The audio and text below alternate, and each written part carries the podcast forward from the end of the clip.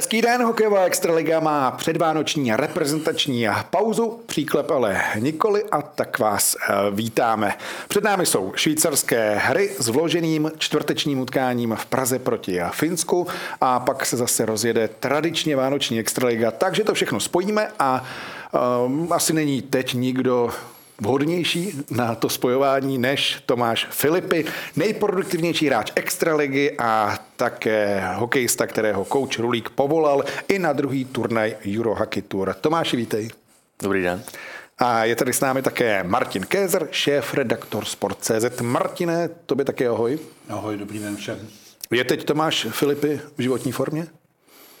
To uvidíme, jak to bude pokračovat. Zatím, zatím uh, si myslím, že že to vypadá dobře a nechci nic zakřiknout, ale, ale cítím se fajn. Martine, je Tomáš Filipy v životní formě? Tomáš Filipy má nakročeno na životní sezónu, ať už z hlediska bodů, tak z hlediska nějakého prosazení individuálního. Já myslím, že ten rekord bodový, který má Tomáš 40 kanadských bodů za sezónu. Kolik? 40. 40. To udělá celkem lehce s, s čestnou normou. A Myslím si, že se to velmi podobá. A to musí říct Tomáš, jestli to vnímá. Už ho dostáváš pod tlak. Ne, to ani nezačalo, už je pod Že se to velmi podobá té sezóně, která skončila vlastně v Liberci mistrovským titulem, která mu pak otevřela cestu do zahraničí a tak dále. A možná maličko pomáhá to, že Liberec nehraje úplně nahoře.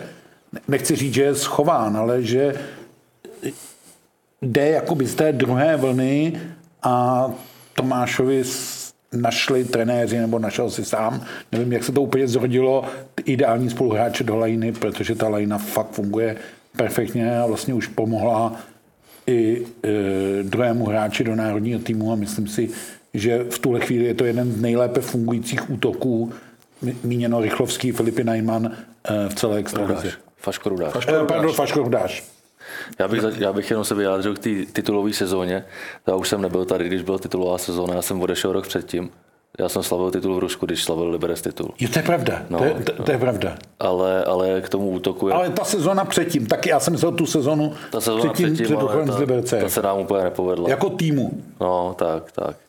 Ale bych se vyjádřil k tomu, jak nám to funguje k tomu, v tom útoku, tak uh, kluci jsou skvělí, hrozně mi pomáhají a, a já si myslím, že já za to slíznu tu smetanu kolikrát, ale, ale myslím si, že jsme našli hodně dobrou chemii a, a vážím si toho. Teďka se nám malinko vypas toho Martin eh, Faško Rudáš se trošku zranil, ale, ale po repauze si myslím, že bude zase připravený. Jak vznikla tahle lejna? No, trenér napsal na papír, že budeme hrát spolu a, a, a naštěstí se nám začalo dařit, tak nás nechal. A kde je kdo? Protože jasně, kdo sleduje Extraligu, tak ta jména zná, Rychlovský, Faško Rudáš, protože už, i když to jsou mladí hráči, tak už mají odehráno. Kde jsou přednosti obou? Bo jednoho a jednoho? Oni, jsou, oni mají uh, skvělou rychlost, bojují, vybojují mi hromadu puku a, a já si myslím, že ta moje přednost je, že jim trošku do toho dám myšlenku, nahraju ten puk a oni jsou skvělí v zakončení. Takže jako si myslím, že my se doplňujeme. No, asi před sezónou, kdybychom se bavili, kdo bude nejproduktivnějším hráčem Extraligy, tak bych se skloněvala jména z Pardubic, ze Sparty. No a je to Tomáš Filipy. Je to taky překvapení, že tolik bodů? Tak ono ještě není konec. No, už to v půlce, už to je vzorek. Je, je to půlka extraligy, ale, ale já si toho nesmírně vážím. Samozřejmě mě to těší, ale vím, že to je takový kliše, ale, ale já to mám úplně stejně, jak většina hráčů, že, že bych to vyměnil za ten týmový úspěch na konci. Aktuálně šesté místo, šest bodů za třetím Trincem. Je to tak akorát, nebo se čekalo, protože s Libercem se nepočítalo před sezónou jako s největším adeptem na titul. Asi to šesté místo, kdyby se řeklo před sezónou, jo, to tak nějak bude odpovídat. Jak to cítíte vy v, tý, v klubu?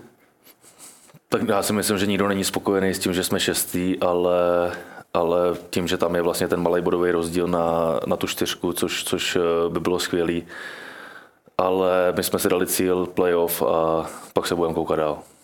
Hmm, a Liberec je v takové, já nevím, jestli přestavbě, ale na mě to tak působí, že prostě teď se tam mění spousta věcí, gulmani jsou mladí, hráči jsou mladí, že to teď muselo přijít.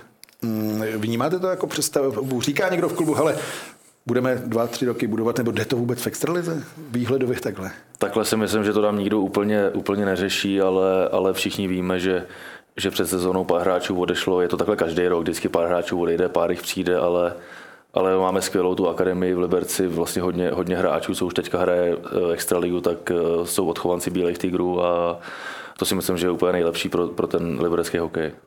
Martine, liberecká přestavba.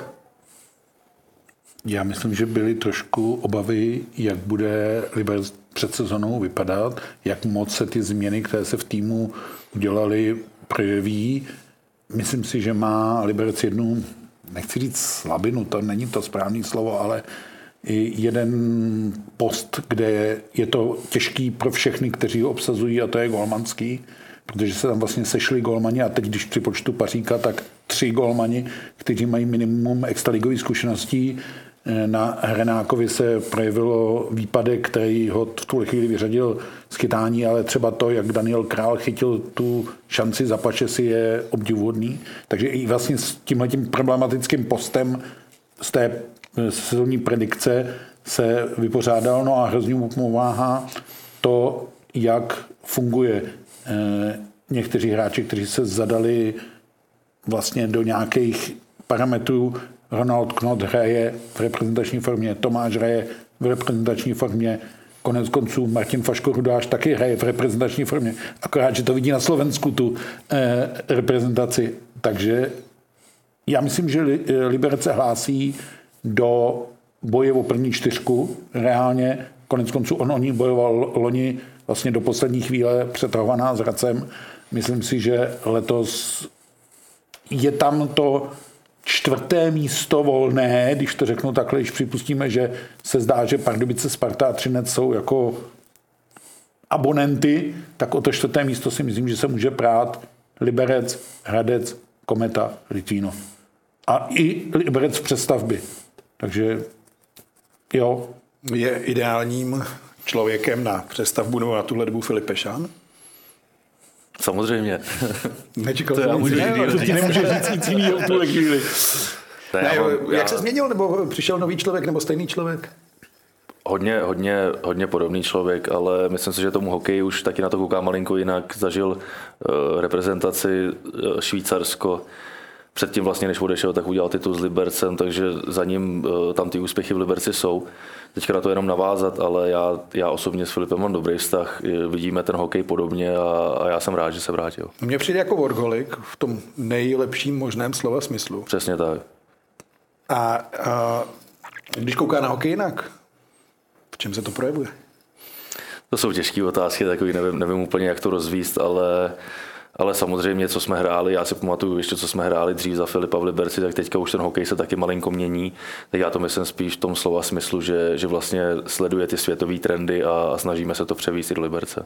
Martin, jaký veš? Já myslím, že se Filip Pešán maličko posunul a řeknu i poučil, protože ona ta jeho reprezentační kariéra nebo ten, to působení na reprezentační střečce bylo strašně ovlivněný objektivníma okolnostma, vys covid a ze z toho všeho vyplývající okolnosti. To bylo skutečně v tu chvíli nesmírně těžký trénovat národní tým jako v těch podmínkách a dostal, řekl bych, pár ťafek opravdu jako těžkých.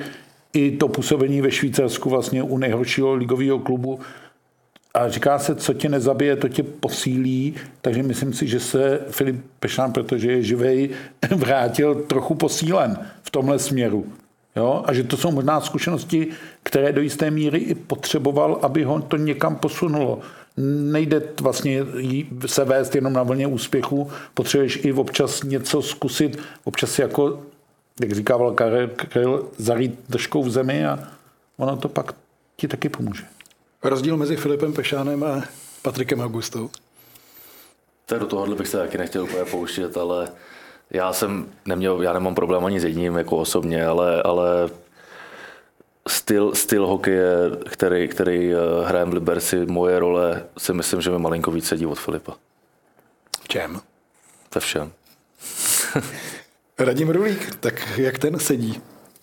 Taky parádně. druhý turnaj v sezóně, po druhý seš v nominaci. Jaká je role? Nebo je třeba výhled? A bereš to tak, že druhý turnaj? No, reálně samozřejmě hraješ o mistrovství světa. to je ještě hodně daleko, si myslím, všichni víme, že, že domácí mistrovství světa je lákadlo pro všechny hráče z NHL, z nejlepších eh, lig v Evropě. Ale já jsem, já jsem rád za tu šanci, že tady můžu znova být. Eh, byl jsem hrozně rád, když jsem se dozvěděl, že pojedu a nějaká role, to uvidíme, uvidíme na zápasech, ale měl bych hrát přesilovku, takže si myslím, že to bude podobný jak v Liberci. No, zůstane dvojička z Liberce? To Ve stejné formaci. To nevím ještě. Jste ještě nenacvičovali, jo? Ne, ne. Martine zůstane. Eh, No, vzhledem k tomu, že Radim Rulík pojede tu svoji taktiku, kterou je úspěšně vlastně i na kariéle, tři zápasy, tři, tre, eh, tři sestavy, tři kapitáni, takže... Bude Cčko, jo? Ono, se to, neříkám, že bude Cčko u Tomáše, ale eh, Tomáš to zažil Vlastně on do kariéry, nebo do toho kádru pro kariéru přišel na poslední chvíli jako náhradník, ale řekl si o to místo úžasně. Já musím říct, že to, jak se hrál Tomáš zápas s Finskem v těch přesilovkových vzorcích, tak se mi to strašně líbilo. To bylo přesně to přenesení jakoby z toho Liberce, tak přesně do toho. A myslím si, že si Tomáš řekl o tu šanci, aby přišla i na švýcarské hry. Je tam 18 stejných hráčů, které, kteří byli na kariéle. To bych řekl, že novodobá historie To nepamatuju. nepamatuje českého týmu, aby na dvou akcích po sobě mm. šlo takhle podobné, když pomineme uh, poslední závěr sezóny, kdy už je to ladík mistrovství světa, aby šlo takhle podobné mužstvo. Takže v podstatě ne, že já tady dostávám Tomáše pod tlak. Oni sami se tím úspěšným vystoupením na kariéle dostali pod tlak, protože teď se bude chtít potom, minimálně po těch 18, ale i po té doplněné devíce, aby zahráli tak dobře, jako se hráli kariéru. Mistrovství světa vyšlo jen jednou v Moskvě 2016, už to bude 8 let. Proč to nevyšlo častěji a víckrát? Tak Já jsem potom měl eh, problémy se zády, vlastně i kvůli tomu jsem potom eh, rok a půl musel, musel odejít z Ruska zpátky, eh, ukončit smlouvu, odejít do Liberce, tady, kde jsem se léčil a, a pak jsem naskočil za Liberec. Bylo to asi hodně, hodně ovlivněný těma zraněníma, no. A už je to v pohodě záda. Ježiš, to je jak za mladá. Tak jestli to změní letos. Nebo příští rok. Mistrovství bylo světa? No, ono to je hrozně těžký mluvit v prosinci o tom, co bude v květnu, zvlášť v útoku, kde přece jenom nějaké hráče v NHL máme. Kdybychom tady seděli s nejmenovaným libereckým obráncem, tak bych třeba řekl, že je hodně blízko účastě na mistrovství světa. Protože těch obránců fakt máme i v tom zámoří málo. U těch útočníků je ta konkurence větší, u centrů větší. Není to jednoduchý, ale myslím si, že tady sedí adept eh, nominace na mistrovství světa. A když se budeš ptát každého hráče, tak možná ve veřejném vystoupení ti to úplně přesně neřekne, ale vnitřně si to říká, no tak je mistrovství světa v Praze, jsem teď v Nároďáku, to by bylo hrozně fajn, kdybych tam mohl hrát. Můžu to mít jako nějakou výzvu, cíl, jenže co se stane do té doby, jak tě odluče, a teď to myslím doslova hmm. playoff, to jsou velké věci, ale já myslím, že to, že je mezi těmi 18 hráči, teď mluvím o Tomášovi, eh, mezi 18 hráči, kteří vlastně pokračují na tu druhou akci, že to je ten příslip, že v něm Radim Rulík tu kostru vidí. Kromě nároďáků je ve hře také Liga mistrů. Na programu jsou odvety. Téhle soutěže, jak to narušilo plány Radimu Rulíkovi v přípravě na švýcarské hry, si teď poslechneme.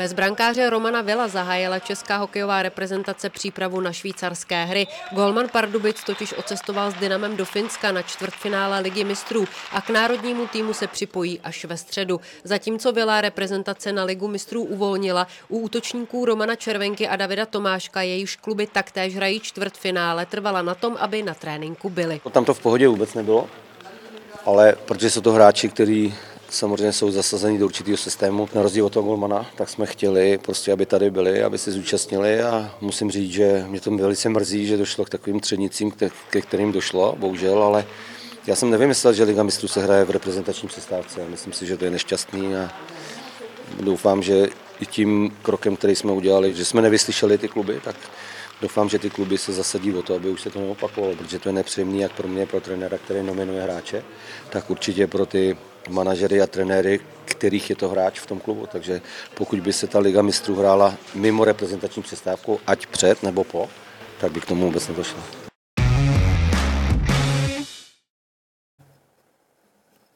To je pravda, jak vůbec berou hráči Ligu mistrů? Ono to je hezky, se to říká Liga mistrů, ale všichni víme, že tak já jsem ji teďka dlouho nehrál, takže... No.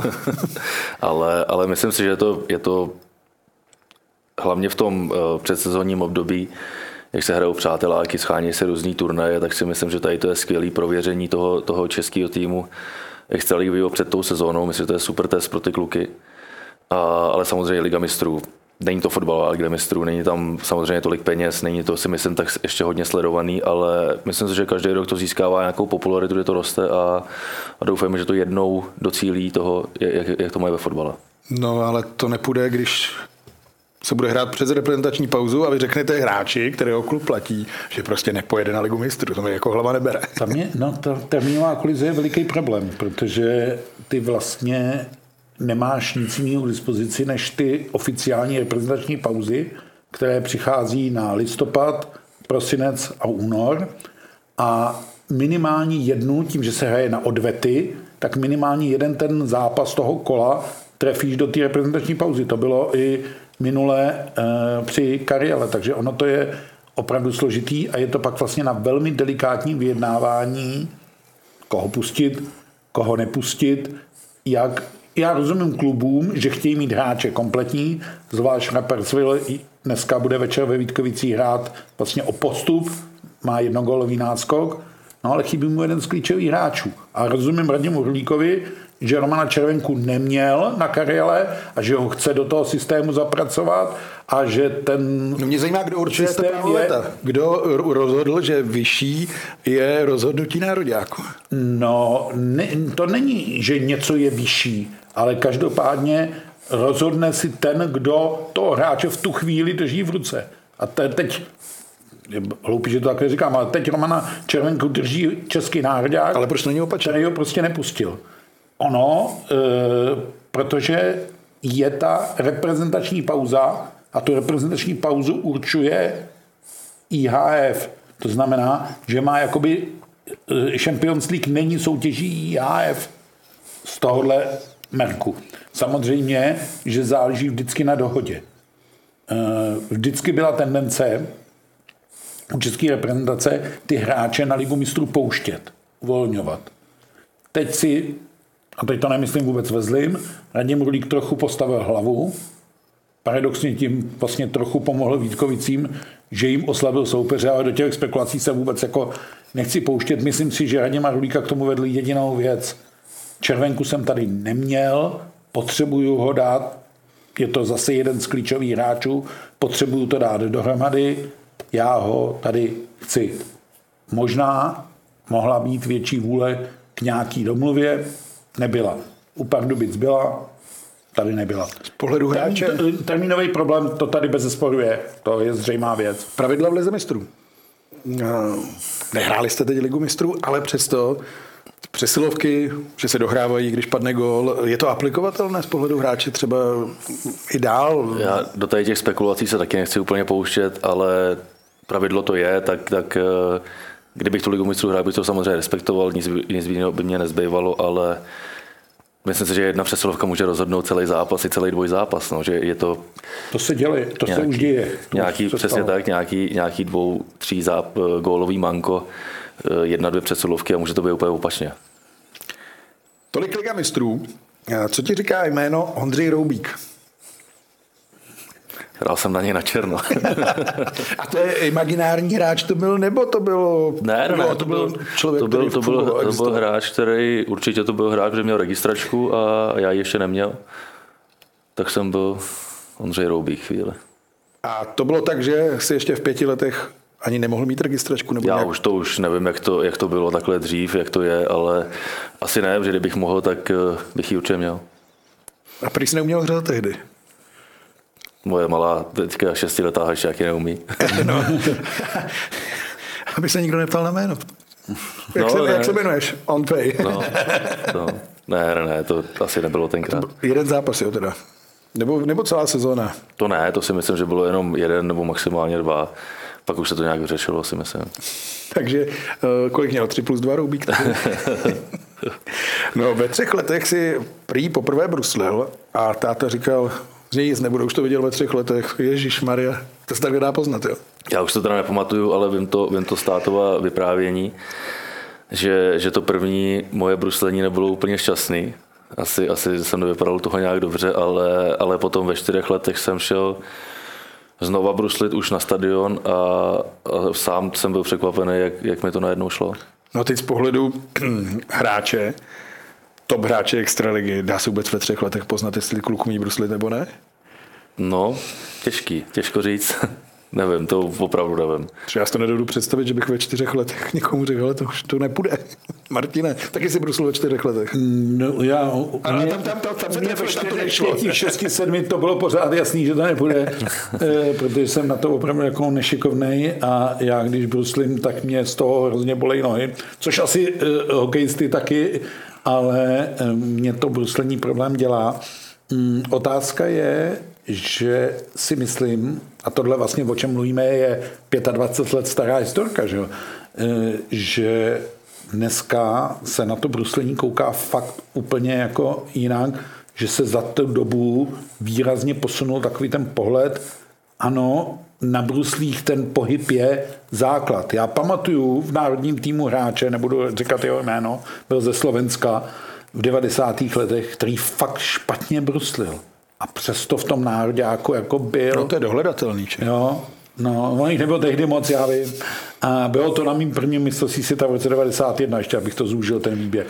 Ale dneska si myslím, že je na tom skills, na těch dovednostech a to bruslení jako jedna z klíčových věcí. Jako.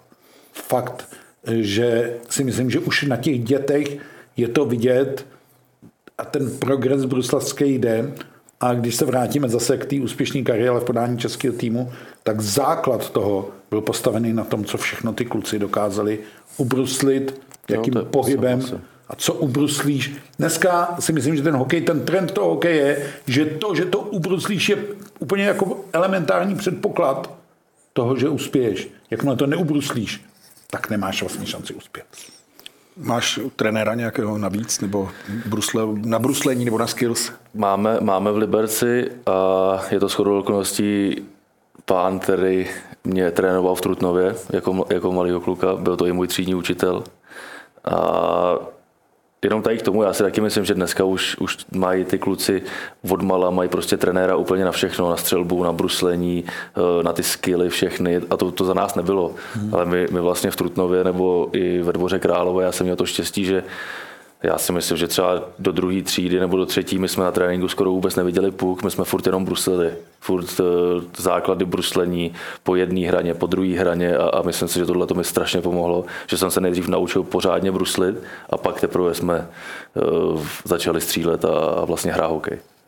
No a prý to zachránila, nebo zachránila.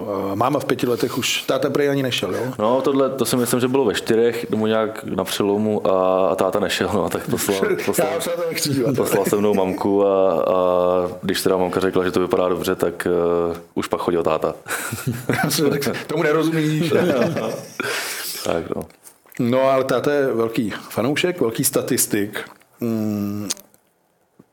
Ve čtvrtek proti Finsku tě čeká zápas číslo, víš kolik?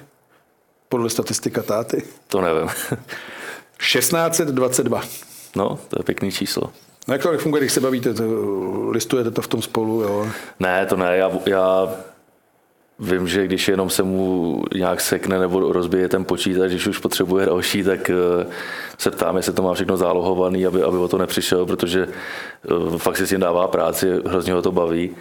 A, ale jinak, kdybych na to nějak koukal, nebo to, to ne.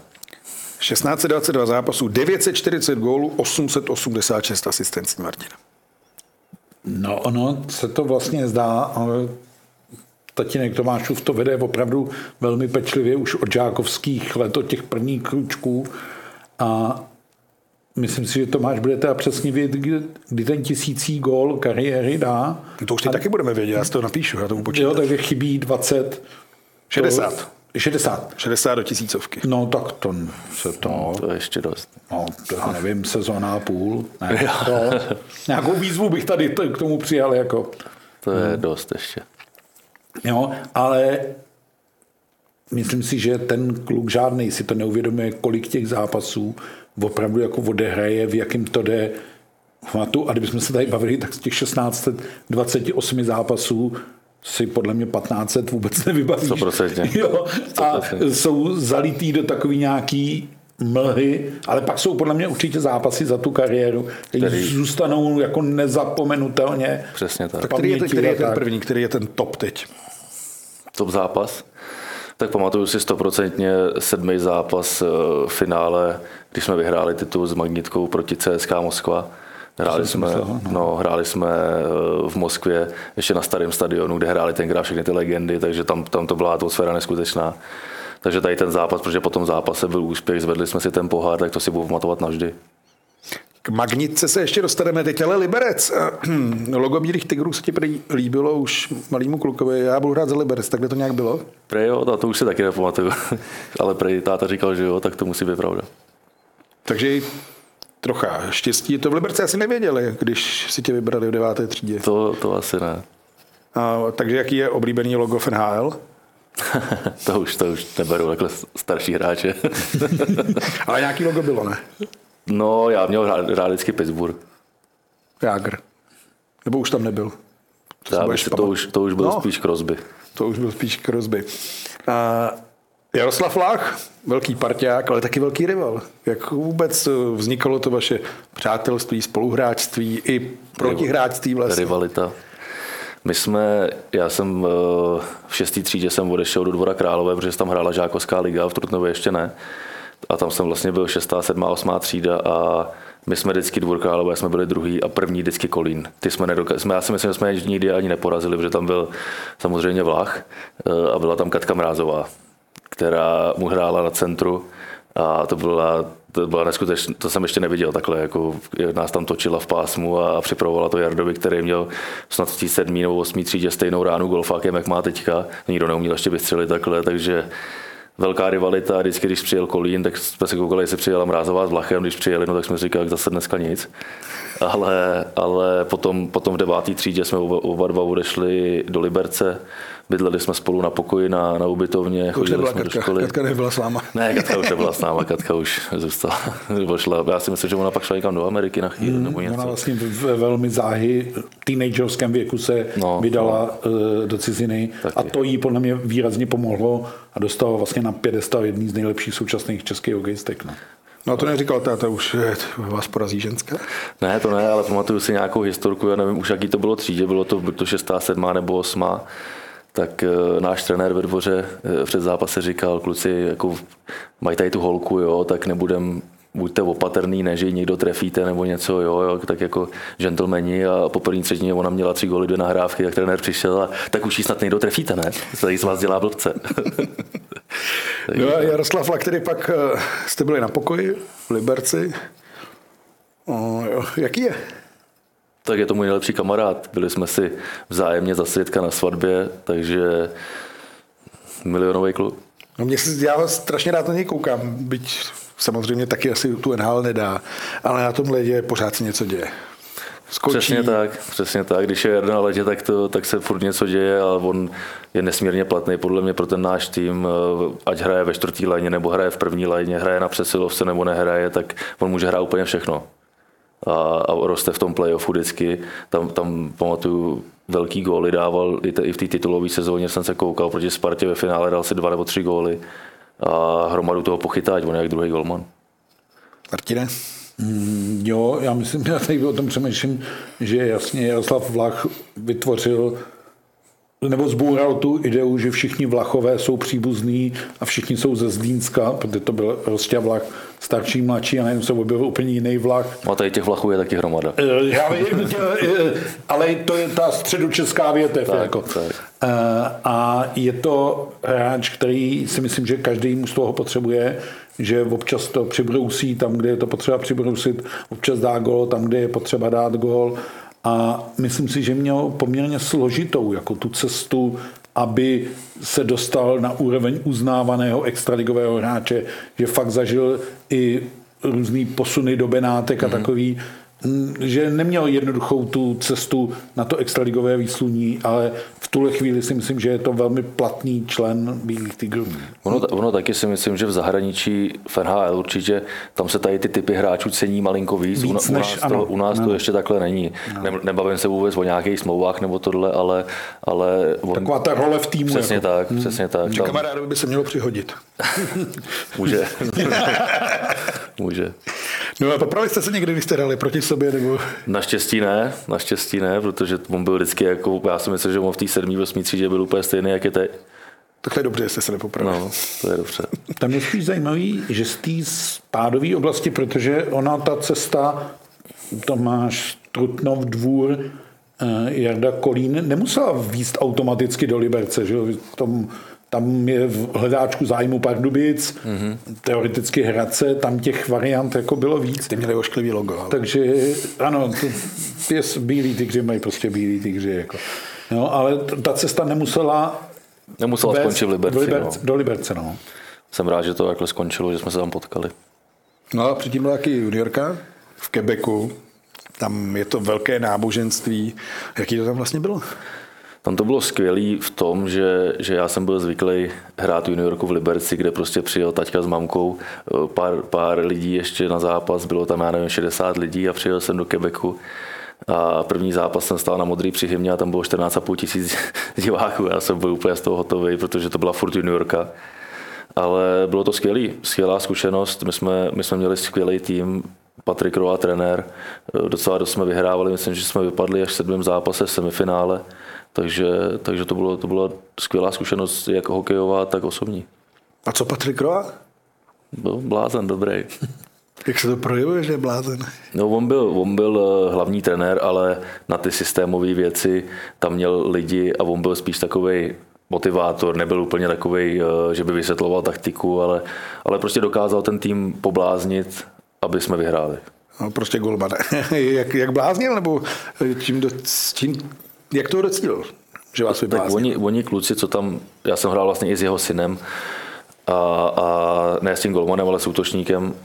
A ten mi sám říkal, že táta už je klidnější, že už to není takový, jak to bylo dřív, ale, ale párkrát jsem ho viděl křičet, nebo slyšel samozřejmě v kabině a seděl jsem ticho, nekoukal jsem na něj a do země pohled a bál jsem se docela dost. No. Bylo to ostrý. No a pak jsme vždycky vyhráli. Radši. Mm, Tak bych se opak zeptal, jak to bylo v Nagánu. No. No, tak Na to nepřišla řeč. Přišla, přišla, Přišla. Jednou jsem si ho na to trošku, trošku jsem ho pošťouchnul. A co teda to Nagano, jak to tam vypadalo a úplně se nechtěl o tom bavit. Byl takový ještě, nebyla to úplně sranda pro něj. no, eh, jeho syn byl spoluhráčem tvým, pak tam byl Ryan Bark, Ryan Burke, tak. syn Re. Jonathan Marchessault, který teďka hraje ve Vegas, mm-hmm. s tím jsem hrál v Lajně. A, a pak si myslím, že už, že už tam kluci nedotáhli úplně do NHL nebo AHL. No, takže hezký vrch tam. No a zahraniční byla také v Magnitogorsku, kde byl zase Mike Keenan. Další lidově řečeno blázen. Ale když tady trénoval, nebo když vlastně přijeli na Lva, tak mi přišel už jako hodný dědeček. Byl, byl, já jsem tam byl vlastně 2.15 jsem začínal a, a oni ho v půlce sezóny ho vyhodili, protože jsme podle mě doma prohráli se Slovanem Bratislava a s Dynamem Záhřeb po sobě a to tam prostě nebylo přípustný, ale do té doby byl úplně v klidu. Tréninky eh, taky nevedl on úplně, měl tam na to lidi a, a od toho jsem nějaký úplně bláznoství nebo řvaní úplně nezažil, byl, byl už fakt takový v pohodě. Mike Keenan. Já myslím, že to období, o kterém mluví Tomáš, už byl Mike Kinen vyblázněn nebo vybouřen. Už i ty největší skandály, které ho provázely z hlediska té jeho prudké, řekl bych, až cholerické povahy, už byly pryč a on vlastně ho do toho Ruska tenkrát vzali podle mě hodně kvůli jménu Určitě. a hodně i kvůli jako prestiži a renomé klubu, metalurgu, hmm. metalurg, I soutěže jako takový. a určitě. vůbec KHL celý, hmm. uh, oni to chtěli, aby tam v tu chvíli měli nějaké jméno, které by zvonilo a tak, ale my, nemyslím, že už by to byl ten bláznivý trenér, který ho uh, pamatujeme my z různých eskapát. NH ještě je zajímavé, jak jsme mluvili o Rohovi, oni ty Kanaděné to v sobě mají spousta těch aktérů toho boje semifinálového v Naganu v těchto je a není to Wayne Gretzky, to neotevře tohle téma a spousta z nich to má v sobě. Hmm. Jo, takže myslím si, že jestli jsme někdy Kanadě hokejově pořádně hrábli do sebevědomí, sebedůvěry, tak se to stalo při tom semifinále v Naganu. No, no Magnitogorsk zpátky do Ruska. Jak to tam vypadalo? Já jsem tam byl hrozně spokojený. Eh, s rodinou, taky s manželkou, potom už i poslední rok eh, s jednou z mých dcer. A u nás tam bylo neskutečně postaráno. Taky bylo to, bylo to asi podmínění tím, že jsme hráli dobře, dařilo se nám, že vlastně první rok jsme vyhráli titul, druhý rok jsme prohráli ve finále a, a vlastně v třetím roce já jsem v půlce musel kvůli zádům skončit. Ale za začátku mi ohromně pomohl Honza Kovář. Měli jsme vlastně uh, společný, nebo dvojdomek se, stejnou, se společnou zahradou, takže my, když jsme odjeli na nějaký týdenní trip nebo na 8 dní, tak uh, holky naše byly spolu, takže my jsme byli spokojení. Tlak tam, říkáš se o tom historky až bajky po Rusku, když to řekneme. Ten tlak byl tam obrovský, jak se říká? U nás, u nás, u nás ani ne, protože tam, tam to ani potřeba nebylo, protože my jsme fakt vyhrávali, my jsme hráli dobře a, a vlastně byli jsme nahoře v tabulce, furt jediný co, tak, tak když vyhodili toho Majka, tak vlastně potom, než se to malinko nakoplo, ale na konci jsme vyhráli titul, takže ne, neměli jsme žádný vyhrožování, že budeme jezdit na bázi, že budeme spát, že Párkrát nám řekli, že, že ještě, ještě jednou prohrajeme a půjdeme přes řeku do fabriky, ale, ale naštěstí to nikdy nedopadlo. Takže za mě jako ne pohoda, ale, ale skvělá hokejová štace pro mě.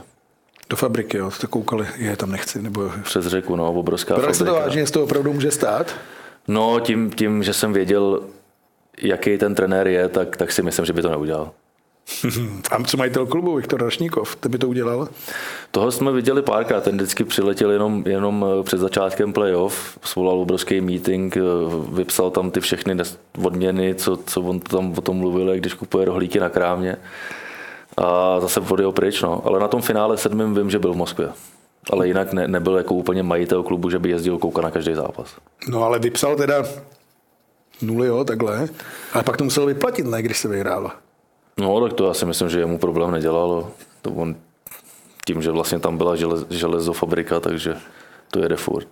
No říká se, že sídliště, fabrika a to je všechno magnitogorské, to, to jako opravdu. No, to já s tímhle úplně nesouhlasím. Že ono, já si myslím, že jaký si to udělá ten hráč, tak takový to bude mít. Když já budu chtít po tréninku přijít domů a celý den ležet, tak samozřejmě budu říkat, tady nic není. Ale 40 minut od Magnitky, krásné hory, kam jsme my s rodinou jezdili s Honzou, takže my jsme jakoby chtěli. Pár dobrý restaurace tam nebyly úplně asi jako, jako v Praze, ale, ale taky jsme si našli. Všechno je, si myslím, je to o tom, jestli chceme nebo nechceme. No Jan Kovář, ten byl blízko NHL? Byli jste nějak v kontaktu, prožívali jste to společně? To já si myslím, že my dva jsme v kontaktu furt, i, i teďka a to si úplně už nepamatuju. Párkrát si myslím, že, že jo, ale, ale on byl zklamaný z toho, že mu, to, že mu to nevyšlo, ale vrátil se do Plzně a pak jsme zase hráli proti sobě, protože já už jsem byl v Liberci. Takže já jsem byl rád, že, že se proti němu můžu zase zahrát. Řekni nám něco ještě. Já teď se ptáš na, na cokoliv, teď, co tě Kovaře. Já řeknu Magnitogorsk. Já vím, že ta továrna tam funguje, nebo ta fabrika tam funguje vždycky jako strašák i za Josefa Jandače to tam znělo jako tak, pánové, podívejte se, tady jdou dělníci do toho. No, ale tam si myslím, že to možná bylo jinak, že jo. to bylo pro pana Jandače, strašák. No, ono, ono všechno, i, i, Tomáš měl možná trochu štěstí, že chytnul magnetku opravdu v tom vrcholném období, v tom, kdy hráli o titul, a nechci říct, že to šlo samo, to nikdy nejde samo, ale ten tým byl fakt silný, sladěný, fungovalo to, vazby tam uh, celkem šlapaly. Je to pravda. Honza tam měl opravdu jako exkluzivní postavení, když mluvíme o Kovářovi, ale pak přišli pro Magnetogor z horší období, který zažili třeba ty naši trenéři tam hmm. a to fakt už nebylo jednoduché a tam pracovali podle mě pod velkým tlakem. Já jsem tam byl ještě vlastně po tom půl roku uh, 2019 Když tam přišli. Já, já jsem tam už byl jenom, jenom skálou, tam ano. už vlastně byl zpátky ten trenér uh, Rusák, Ruskej. Uh, Ilya Vorobiov, ano, a s, který, s kterým jsem tam byl Jirka vlastně předtím. s tím jako vlastně jediný z té české skupiny zůstal. Byl tam ještě Martin Jiterský, tam byl kondičák, hmm. ale ale tam už jsme se dostali do play z 8. místa, tam už to, to už taková sranda nebyla. Hmm. Tam byl Mozjakin? Ještě jo. Ještě jo. Něco o něm, protože taky se vypráví legendy. No, tak to je jako, já o hokeji můžu jenom mluvit, to je pan to je hokejista, škoda, to je, no jinak to je, nejsou publikovatelné věci. A, ale když dělal body, tak si mohl dovolit všechno, bylo to tak. Jo, to jo, to, to můžu souhlasit. V reprezentaci má teď Tomáš Filipy také několik spoluhráčů a naše reportérka Jarmila Bastlová se jednoho z nich, Jakuba Rychlovského, zeptala, jak Tomáše vidí a vnímá. Uvidíme, jak to trenéři poskládají, ale v klubu se mě s ním hraje parádně, takže určitě, kdybychom, kdybychom spolu hráli tady na reprezentační úrovni, jak bych za to byl rád a snažil bych se stejně odvádět tu stejnou práci, prostě, co dělám v klubu a určitě bych se snažil naladit zase na tu Tomášovu notu, která si myslím, že nám v klubu výborně funguje a snažili bychom se na to navázat i tady. Tomáš to je, to je klasický center playmaker, prostě tu hru vidí, ví, kde ten puk má, kde má zrychlit hru, kde to má naopak podržet. Zase na druhou stranu v útočném pásmu si umí najít dobrý prostor, nikam, nikam nespěchá, aby byl ukvapený, umí si najít dobrý volný místo, takže když se podívám někam, tak vždycky mi přijde, že je volný, takže se mě s ním hraje parádně. Se má superlativa. Má pravdu. Jste se našli. Jste se našli. No, jsem mu říkal, co má říkat.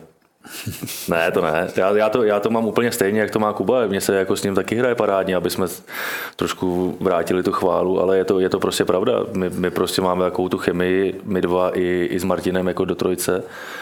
A neříkám, že to je úplně poslepu, ale hodně se bavíme o hokeji, to teda jo, ale co si jako řekneme, tak většinou funguje a plníme to všichni. Kde se může zastavit jeho vývoj? Já si myslím, už jak jsem to, četl jsem to od Filipa, že se k tomu vyjádřil, že, že moc dlouho v extralize nezůstane. Bude to, to tak? To si myslím, že potvrzuju, protože Jakub Rychlovský je teď poprvé na nároďáku, ale trenér Rulík to říkal správně, on tam není, protože by teď zrovna posledních 14 dnů hrál docela dobře, tak ho tam berem. On od začátku sezóny předvádí vlastně, že roste v rozdílového hráče a Liberec mu bude za chvíli malý a bude mu malá extraliga a věkově to přesně odpovídá, že je v té situaci, aby si to šel zkusit, aby šel někam růst a já netvrdím, že to bude znamenat hned v létě odchod do NAL, ale může to být nějaká cesta přes Evropu. Určitě, když Jakub u tohle vývoje vydrží, tak to je velmi perspektivní útočník. No.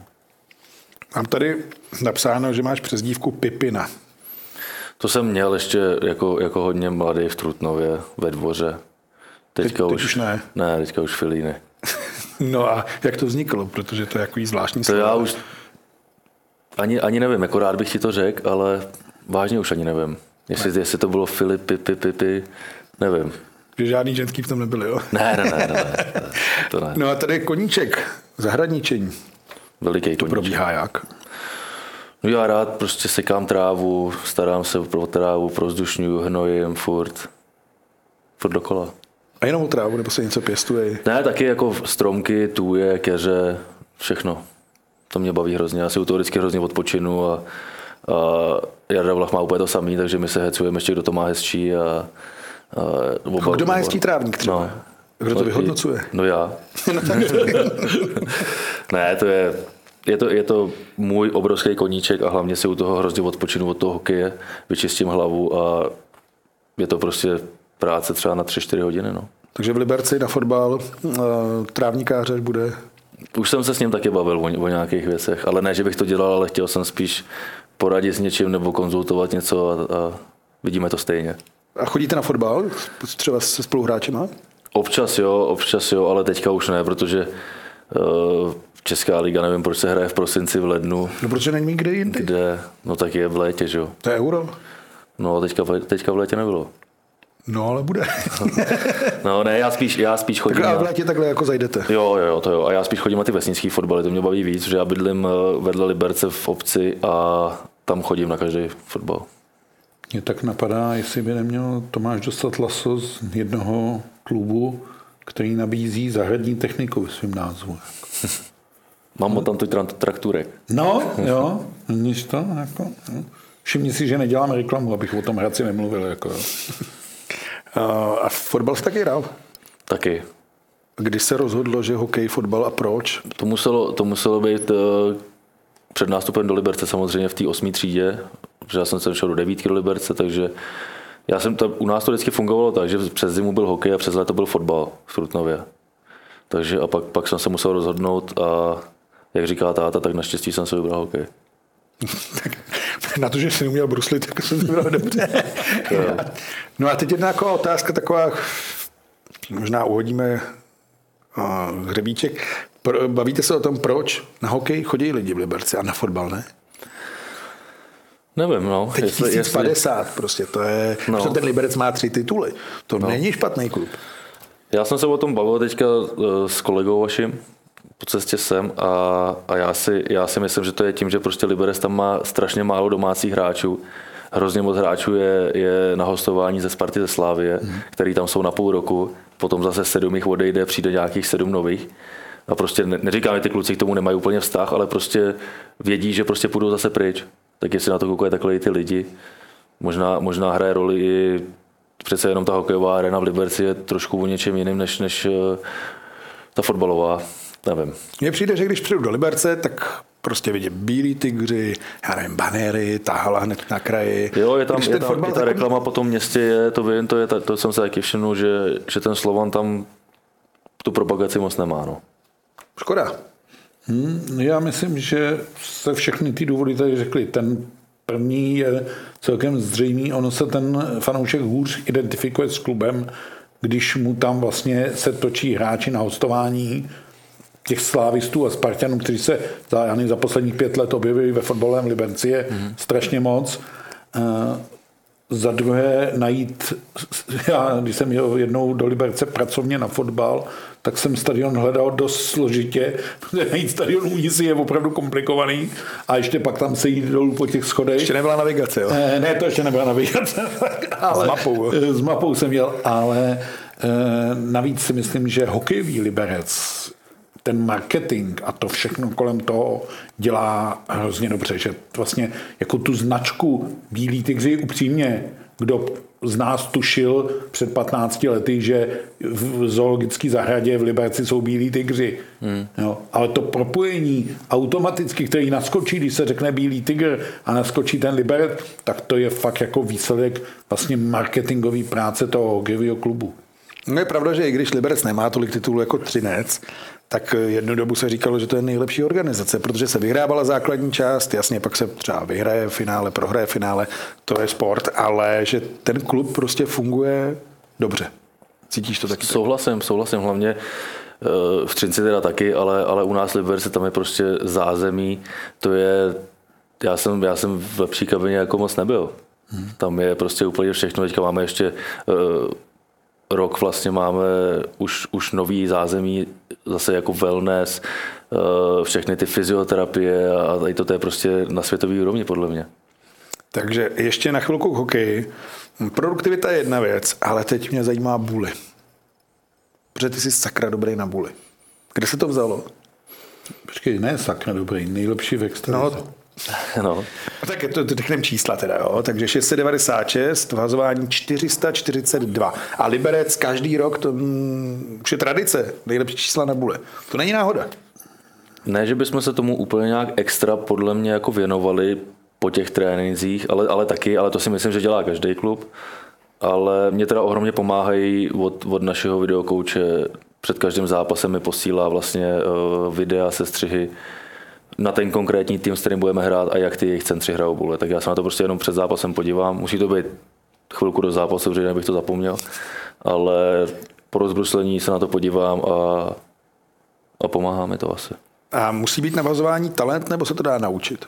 Byl jsi vždycky, byl jsi vždycky dobrý na buli? Já myslím, že se to dá naučit. To není o tom talentu.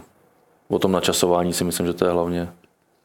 Protože asi v těch ostatních klubech taky posílají ty videokouči videa a stejně pak na to bude jdou a prohrajou. To no, musí být něco navíc. Zaplať pámbu zatím, aby to, aby to pokračovalo takhle. Jednou Kuba Korejs, když chodil ještě na Buli, když hrál, tak právě v Liberci říkal, že to bylo nejtěžší. A bylo úplně jedno, kdo tam je na tom Buli, že se to hrálo, já bych to řekl správně, že zkrátka do toho buly byli zapojení všichni hráči. Že stačilo třeba tu buly zremizovat a všichni věděli, co budou dělat. Je to tak?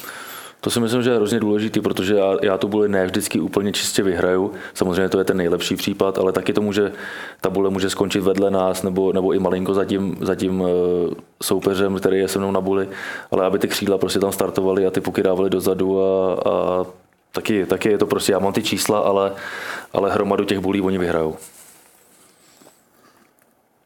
No a ten trénink, hazování, probíhá přesně tak jako týmově, nebo v čem to děláte jinak než ostatní? No tak to vám nebudu říkat, že jo.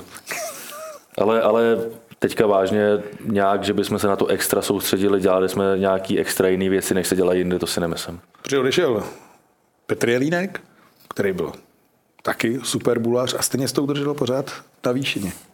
No, to je dobře. Martine Buly. Klíčová hokejová věc, kdo vyhraje Buly, hraje s pukem. To je i daleko jednodušejce dělá cokoliv. A to je jedno v jakém pásmu, když máš ten puk na holi, než když ho o něj musíš bojovat. Určitě tady padlo toho, že se do toho musí zapojit všichni hráči, tedy ty čtyři ostatní toho centra v tom nechají, tak to už musí mít ten centr opravdu jako kliku, aby to vyhrál čistě a třeba si to sám odvez nebo tak. Hmm. A třetí věc ještě, já myslím, že se hodně, a nevím, jestli úplně v poslední době jenom, ale v poslední době určitě hodně klade důraz na to, jak se ty buly zahrají, sudí dávají dost jako důraz na to. A teď to chtěli zrychlit, teď to chtěli zrychlit. Zavedli tam ten režim eh, napomenutí, že jo, a tak mě se neptej na zrychlení, víš, že já jsem velký odpůrce eh, toho, jak se natahují hokejové zápasy. Tady se ptejme na centra, jestli se podařilo cítí to, zápas cítí to centra, Já mám pocit, že ne. Já si myslím, že jediný, kde se to zrychlilo, tak je potom eh, zakázané uvolnění. Že vlastně dřív samozřejmě, já jsem byl minutu a půl na ledě, už jsem toho měl plný kecky a udělali jsme icing, tak jsem to samozřejmě natáhl až k jejich modrý, pak jsem si šel vyměnit hokejku, jo, golman si rozvázal betony, eh, tady ty věci, aby jsme si odpočinuli, ale teďka už to není možné. Teďka už se dávají jedno varování střídačce a druhý už je automaticky trest, takže to si myslím, že se, že tohle se zrychlilo hodně. Ten samotný proces té buly si myslím, že je úplně stejný. Je pravda, že když Já bylo, nevím, co se tam dá zrychlit. Když bylo školení před sezonou s panem Pešinou, tak tam pustil v finále Třinec Hradec, tuším, že to bylo.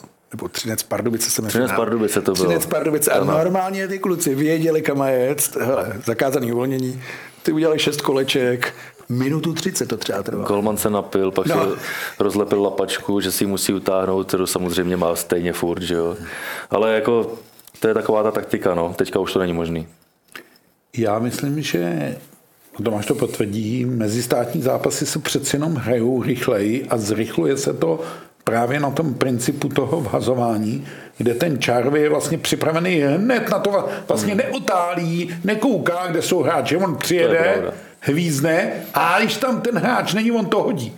Já už jsem tady, myslím, jednou vyprávěl, zažil jsem na mistrovství světa v nějakém zápase Dánsko, Francie, že když tam ten francouz přijel, tak to ten rozhodčí hodil, ten Dán si to odvez a jel hmm. s tím. Jako, no. Takže to se na té mezinárodní scéně, uvidíme to teď ve čtvrtek proti Finům, netoleruje takový to vyčkávání, rovnání, sudí bere, půk jede na kruh, hvízdné hází, je to vyřešený. Jako. A to ještě vlastně o jednu komerčku navíc. A to je ještě na těch mezistátních zápasech hmm. o jednu komerční přestávku navíc než v extralize. A skoro bych dal ruku do ohně, pokud se s Finama neservou, nebo nebude se jít něco podobného, že ten zápas Česko-Finsko bude výrazně kratší z hlediska úplného času než uh, extraligový zápas. Prostě ten mezistátní hokej jede ve větším kvapíkovým tempu, abych tak řekl. Co to máš plekanec a vhazování? Už jste spolu konzultovali? Včera, včera jsme konzultovali a na, mil, na minulém srazu jsme hodně, hodně řešili věci. Jeho zajímalo právě můj pohled na, na buli. Já jsem se taky pár věcí, jsem rád, že se můžu taky přiučit. A jo, já si myslím, že, že to budeme ještě pilovat. No a jak se chodilo proti němu na buli? Tak já jsem hodně proti němu chodil na svý levý straně, což je na silném eh, backendu. A já jsem, já, jsem ho, já jsem vždycky s ním měl dobrý čísla. To jo, protože na pravé straně já tam pouštím většinou uh, Martina Faška, jako praváka. Si ty mínusy udělej na té straně. Ne, on taky vyhrává, Taky vyhrává. právě. Taky vyhrává, což je fajn. Teďka, je, teďka nehrál pár zápasů, tak jsem chodili tam a už je to takový, tam je to těžší samozřejmě, no, ale, ale proti Plekimu bylo to těžký, protože on, když se mu nepovedly dvě buly se mnou nějak, tak to měnil všechno tohle. Já jsem zase takový, když se mi něco nedaří, tak furt věřím tomu stejnému. Ale jo, těžký, těžký s ním to bylo, ale jak říkám, s ním jsem měl vždycky dobrý čísla. No, on používal ten stroj takový z Kanady na to vhazování. Nemáš nic takového. Ne, máme trenéra, já to hází. Tak jo, jsme ve finiši. No, popřejeme hezký Vánoce. Díky, že jsi přišel, ať se daří i dál. Liberci, ať se daří v Nároďáku a třeba ať to klapne v květnu. Děkuji moc, taky vám přeju hezký svátky. A už jste dohnali rodinné focení? Ano, hotovo. hotovo. To bylo kvůli kariále? Ano, To, ano. to je, ano, to je narážka, kdy Tomáš na naši otázku, jestli něco musel mít. No museli jsme s manželkou změnit termín vánočního focení. No ale nějak to přijala, tak jsem tady. Jako, tak No, no, no. Vidím, že u Filipy už, už, už všechno stihli. Jako. Jak jsem se vrátil z kariéry, tak hnedka asi za dva dny jsme to... A z letiště do ateliéru. Kdyby náhodou přišla pozvánka i v prosinci, aby jsme to neodkládali. Přesně, je- přesně. přesně. Tak jo, tak ať to i na fotkách sluší zkrátka, ať se všechno daří. Ještě jednou díky. Děkuju, děkuju. Uh, Martine, tobě taky děkujeme. Já děkuji za pozvání a všechny zvu ve čtvrtek buď to do Auto Areny nebo k televizi. Myslím si, že je to první a poslední šance vidět národní tým v hale, kde se odehraje mistrovství světa v této sezóně. Tak proč nebýt u toho? Pak se přesune tým do Švýcarska. Sport.cz bude mít svého zpravodaje Michala Sobotku, takže také na Sport.cz můžete sledovat zpravodajství z další reprezentační akce a budeme se těšit zase příští týden. Hezký den.